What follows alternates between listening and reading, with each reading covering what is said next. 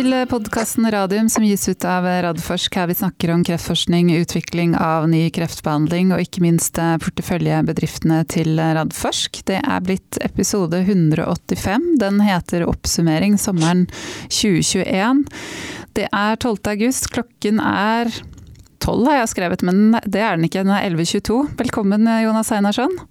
Takk skal du ha, Elisabeth. Det gjelder å være nøyaktig. Det gjelder å være nøyaktig. Ja, men det, det, I hvert fall våre bedrifter, der er det nøyaktighet som er det eneste gjeldende. Det er jo ikke noe å si på det. Det er absolutt ikke det. Nei. Du, hvordan har sommeren vært? Sommeren har jo vært fin. Værmessig helt uh, tipp topp. Jeg kan ikke be om noe mer i Norge? Nei, absolutt ikke. Det har vært helt suverent. og Jeg er så heldig å ha en hytte med en stor hage, så jeg har vært ute og pusla kona mi nesten hver eneste dag. Og så har det vært uh, ganske stille og rolig på jobbfronten, og ting har gått den veien de skal. Så det har vært en, vært en god sommer. Mm. Ja, men Det er bra. Det er godt å høre. Og Du og jeg setter oss på toget til Arendal på mandag, så det blir spennende. Jeg har vært litt spent på om det kommer til å bli noe av Arendalsuka eller ikke, men det, det blir visst noe av. Hvis jeg sånn ikke jinxer det nå, bankebordet. Nei, det er ingenting som tyder på at det ikke skal kunne gå av stabelen. Så jeg håper at folk, eh, selv om det er fantastisk moro å komme ned i Vollen og Jarndal og møte folk igjen, at folk husker at vi fortsatt er midt oppi en, en pandemi. Og vi vil helst ikke ha, vil ha minst mulig spredning av dette deltaviruset. Så vi får ta forholdsreglene våre og, og passe på eh, avstanden. Og meteren er like viktig som det har vært alltid. Absolutt. Det er først i slutten av september den blir avblåst, ifølge helseministeren. Så ja. ja. Vi forholder oss til gjeldende regler. Men det, eh, Elisabeth, det, det har vi for så vidt ikke planlagt. Men det er morsomt å ta en liten, liten digresjon rundt det med, med delta-varianten og vaksiner. Eh, for nå begynner jo diskusjonen å gå om en tredje boosterdose. Eh, og, og ikke minst det moralske rundt det. Skal vi nå grabbe til oss en enda tredje dose før vi sørger for at resten av verden får, får vaksinen? Det er jo en veldig spennende og, og ikke minst moralsk etisk diskusjon. Mm. Men det løfter jo også fram dette som de nå vel flere og flere av ekspertene sier, at uh, vi må innse at dette med å få en fullstendig flokkimmunitet uh, og at vi blir kvitt dette viruset, det er lite sannsynlig. Det er antagelig noe vi må, må, leve med å ha her, som vi har hatt influensaviruset i, eh, i alle de årene. Og Da vil vi også se at det vil komme nye varianter. Det vil være behov for kanskje enda bedre vaksiner eller andre typer vaksiner i tillegg. Og Det er jo ikke oppløftende for menneskeheten som sådan, men eh, for eh, noen av oss, og ikke minst de selskapene våre som jobber med å utvikle også fremtidens eh, vaksiner og varianter, som f.eks. Vaxibody PCI Biotech, gir jo at det er absolutt ikke fåfengt å, å jobbe med neste generasjon vaksiner. Så det, det vil bli veldig spennende å følge de selskapene videre. Mm. Ja, Det ser jo ut som det er høyst nødvendig, tenker jeg, å nettopp ha muligheten til å justere litt på vaksinene også mot, mot de nye mutasjonene. Ja, ja. så det det blir spennende. Mm, det blir veldig spennende å følge. Um, vi har jo kalt dette her oppsummering 2021, så jeg tenker vi skal bare gå, eh, gå, litt gjennom de nyhetene fra selskapene våre som har kommet uh, i sommer. Um, vi kan jo begynne med Nordic Nanovektor. Det var jo en litt overraskende nyhet som kom uh, 1.7 om at Peter Brown gikk av da som CEO etter bare tre måneder. Um, ja. han, de oppga da da i pressemeldingen at det var personlige årsaker til det. Og så er det da CFO Marlene Brondberg, som bør være kjent for lytterne i podkasten, som har tatt over som interim eh, CEO. Vi har vel ikke fått vite noe mer om, om avgangen, så det er vel personlige årsaker som var grunnen.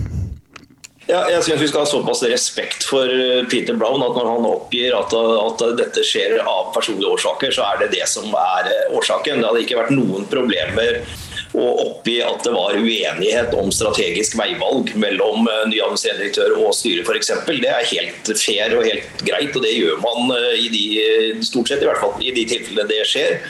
Eh, men i dette tilfellet så oppgir han det, og vi, vi har registrert at han har fått seg en, en ny jobb nære der han, eh, han, bor. og Det kan ha noe sammenheng, men å spekulere i dette syns jeg er respektløst. Så Det syns jeg vi bare skal respektere, at det var av personlige årsaker, og at selskapet ikke, ikke er blitt noe svekket, eller teknologien svekket ut av det.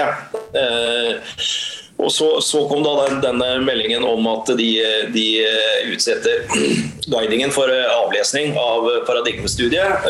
Det var vel ingen stor bombe.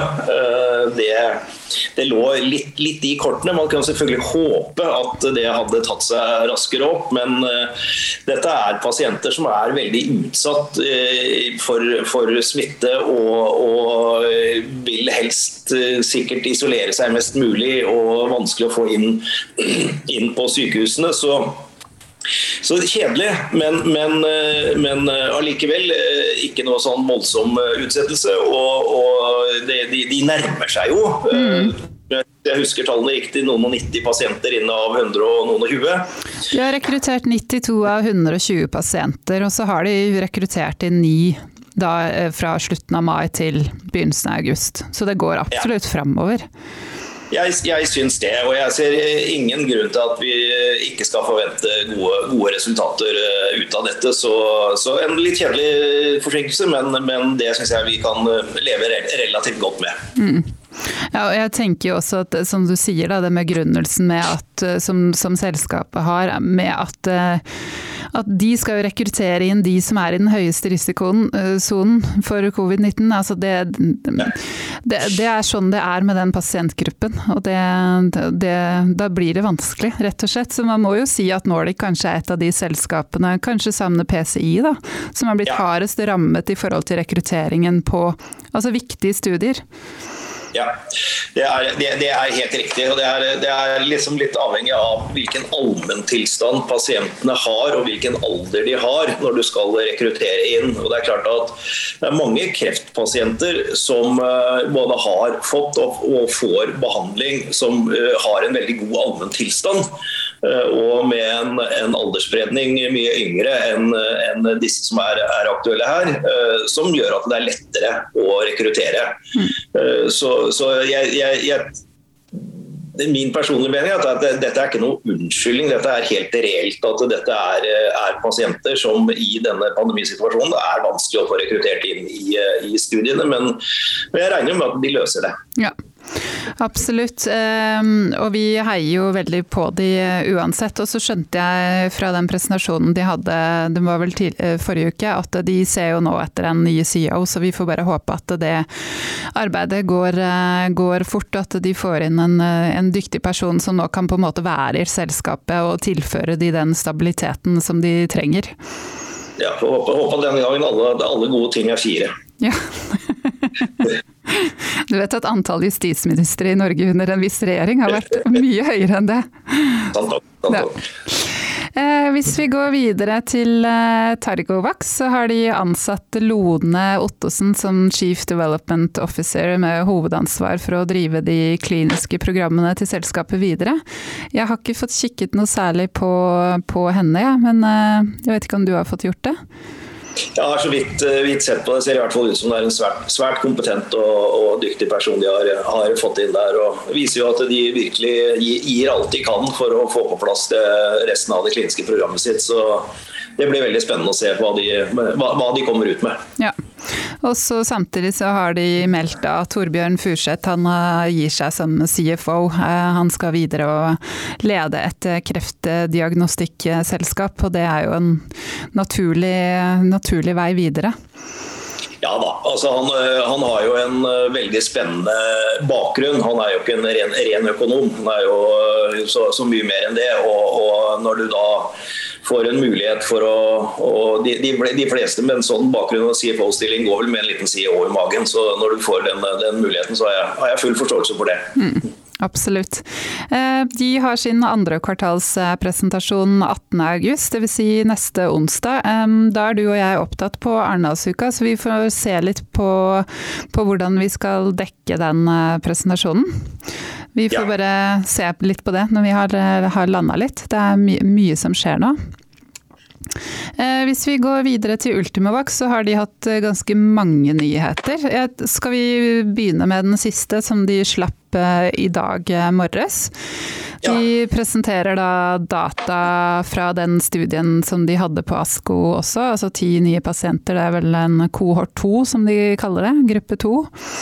Um, og i den studien her så kombinerer de jo UV1 med den sjekkpunkthemmeren pembrolizumab, um, pasienter med melanom med spredning.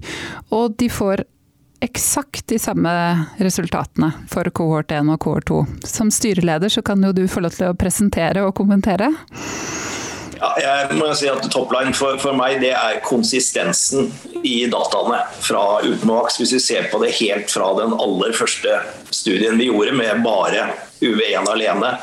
Og så i noen indikasjoner, og så da i kombinasjon med ZLA4-hemmer eh, først. Og nå med Pembro så har det hele tiden vært ideen å vise at UV1 fungerer, gjør det den skal gjøre Eh, og selv om det var små studier, så fikk vi også veldig gode effektdata på den alene, spesielt i lungestudien. Eh, og så fikk vi veldig gode data på kombinasjonen med IPI og nå med Pembro. Og så vet jo alle at det vi går for, er jo en ytterligere kombinasjon, som Initium-studien nå har med, med, med Pembro, Ippi og og UV1. Eh, og alt skulle jo tilsi eh, at vi da også vil få gode data fra den. Eh, og så vi, sier vi jo alltid at det er få pasienter, men nå begynner det faktisk å bli en del pasienter. Hvis man legger sammen disse studiene som er gjort til nå, så begynner det å bli en del pasienter. Og i den siste studien nå så er det faktisk 30 pasienter. Det er ikke noe liten så tidlig fase studie. Det er viktig å understreke at forskjellen på kohort 1 og 2 i denne studien er dosen av adjuvans. Og Årsaken til at vi startet med en halv dose adjuvans i den første kohorten, det var for å samle enda mer data og sammenligne med denne kohort 2, som nå har den dosen som brukes i de andre studiene. Det gir oss mye tilleggsdata for å sammenligne immunsvar, hvordan T-cellene oppfører seg. Og egentlig bottom line er at vi både mener og tror at det er ikke adjuvansen, men UV1 som mm. gjør jobben sin. Og disse dataene vil være enda bedre å bruke når vi skal feile for å, å snakke med myndighetene videre. Så, så, sånn sett så vil denne studien, eh, når vi rapporterer over lang tid, så vil den bli rapportert det regner jeg med, som én studie med 30 pasienter. Mm. Fordi UV1-dosen er den samme i, i begge. Men, men, eh, dataene er jo er veldig gode. Mm. Og hvis de kan da la seg overføre til en randomisert studie, og ikke bare sammenligne med historiske data, og det er lignende data vi sitter igjen med da. Uh, nå sammenligner vi selvfølgelig med, med ren Pembro, fordi dette er Pembro pluss UV1. Eh, og eh, Hvis man sammenligner det med, med, med Pembro pluss IPI, så vil jo det være eh, en sammenligning som vil si at vi skulle erstatte IPI med UV1 og få de samme resultatene. Og Da kunne man argumentert med at ja, det er mye mindre bivirkninger antagelig på, på, denne, men det er ikke det vi skal gjøre. Vi skal da sammenligne med Pembro pluss IPI og den nye studien vår med trippelkombinasjonen. Mm.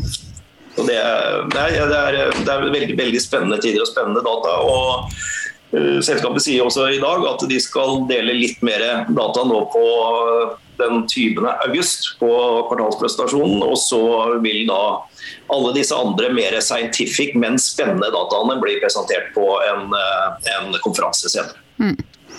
Og hvis vi bare skal ta de eh, resultatene kort, da, så er det at 60% av pasientene opplevde en bedring, og 30% da kunne man ikke se, altså se kreftceller i det hele tatt ved, ved, undersøkelsen. Og dette er jo veldig syke, altså når du har mel altså melanom med spredning, så er det jo veldig syke kreftpasienter. Da har jo kreften kommet langt. Kreften har kommet langt. De er ikke nødvendigvis så veldig syke, allmenntilstand, men, men kreften har kommet langt. Kreft, kreftsykdommen er, er, kreftsykdommen har, har er alvorlig. Ja. ja. og prognosen veldig dårlig mm. uh, før vi starta med immunterapibehandling. Det er helt riktig. Mm. Så, så, dette er, uh, dette er veldig spennende resultat. Mm.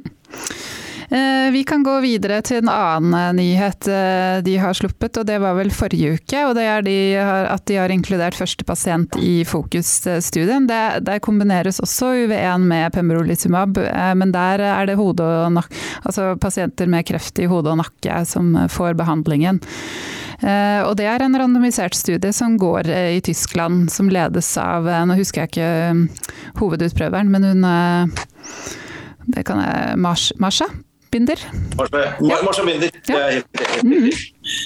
Og Det spennende med den studien er jo selvfølgelig at det er en organisert studie, øh, men det, det, er veldig spennende at det er nettopp det er henne er, øh, og hennes gruppe som er hovedutprøveren. Fordi de er vel en av verdens ledende grupper på uh, immunmonitorering å, å undersøke da alle dette, disse tingene rundt igjen, for at vi skal kunne få data som vi kan vise til myndighetene, som kan gjøre de regulatoriske myndighetene trygge på at vi forstår hvorfor og hvordan denne kombinasjonen eh, fungerer. Mm. Så, og Veldig godt å ha kommet i gang. Det er liksom alltid sånn eh, første pasient inn. Det er, eh, det er fryktelig mye jobb å få sites klarert, sites oppe og gå.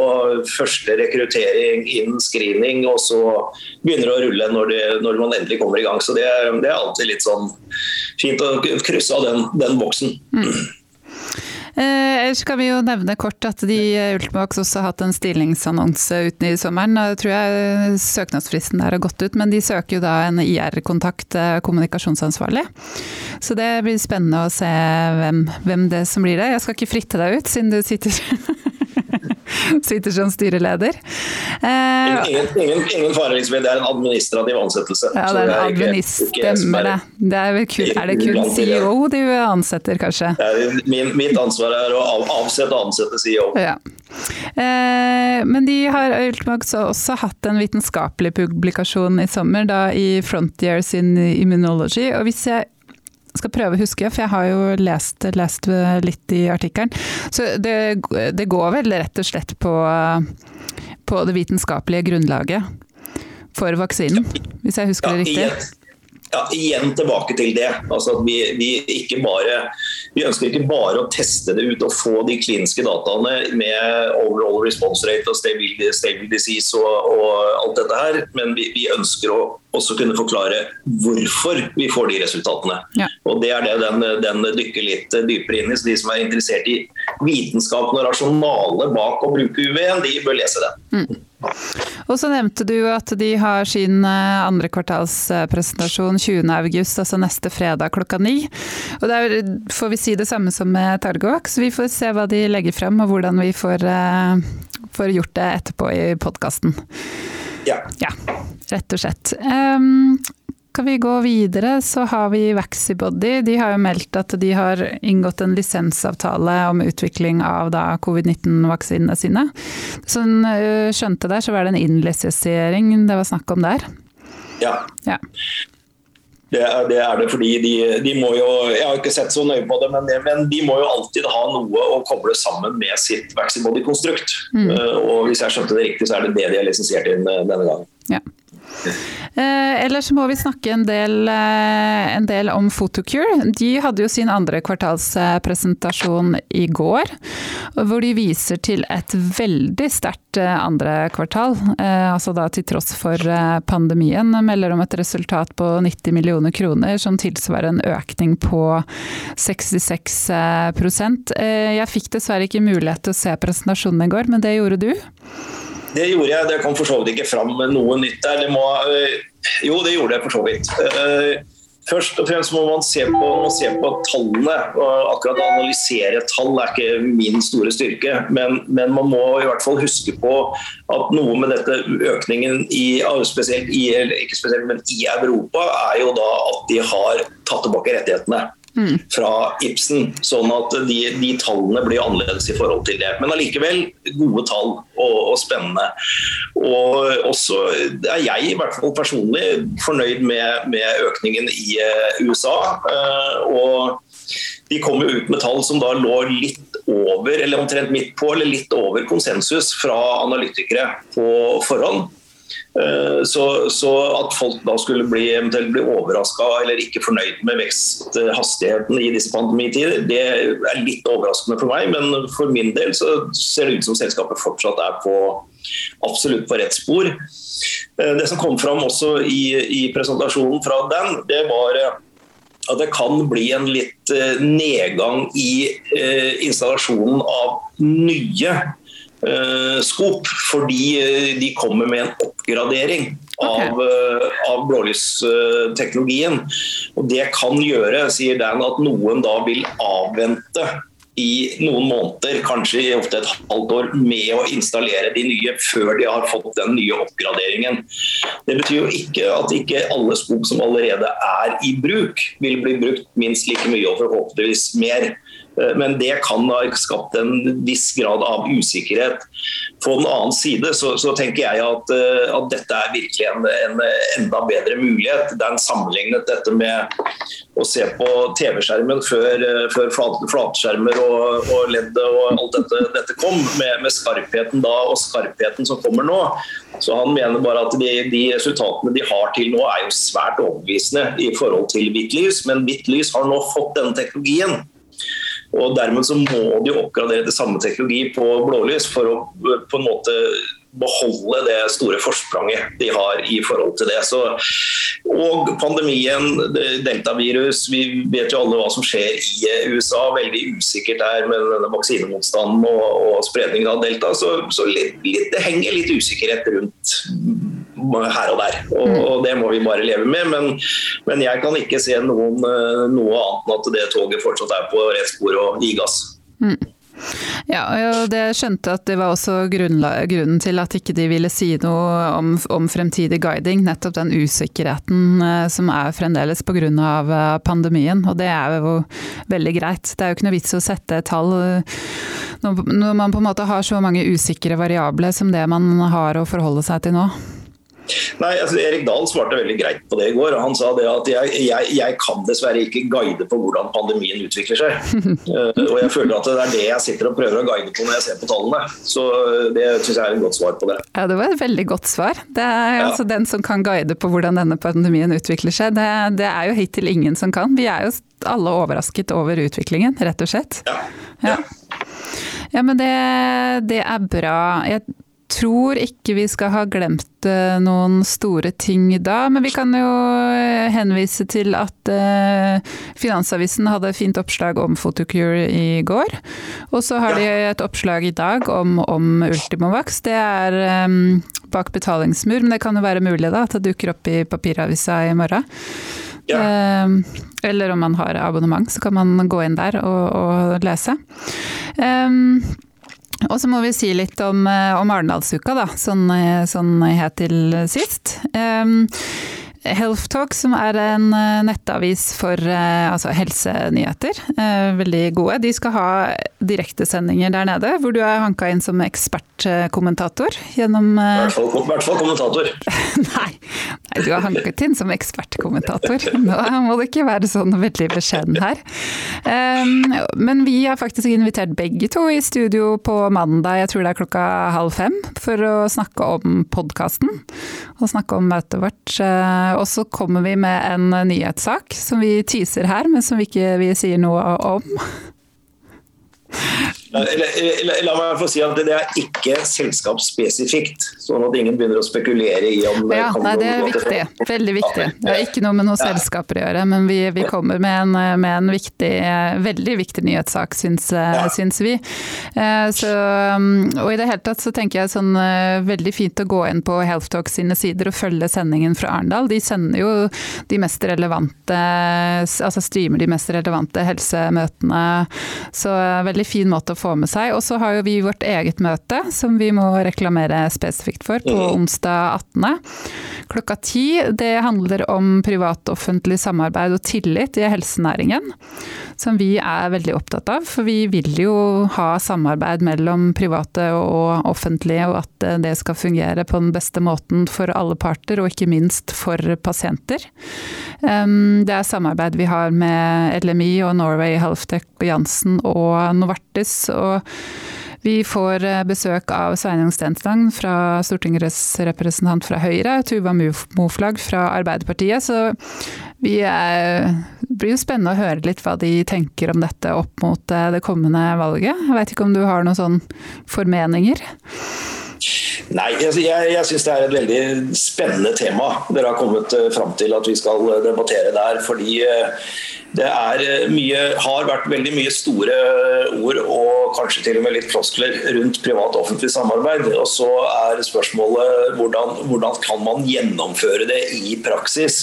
er det faktisk sånn at det, det, offentlige også gjennom hele systemet sitt er interessert i og ønsker dette? Er det rent politisk, eh, eller er det også forankret i byråkratiet, som jo vi må jobbe opp mot? Så Det blir spennende, spennende å høre og hva, hva, de, hva, de, virkelig mener om og hva de legger i et privat-offentlig samarbeid. Mm.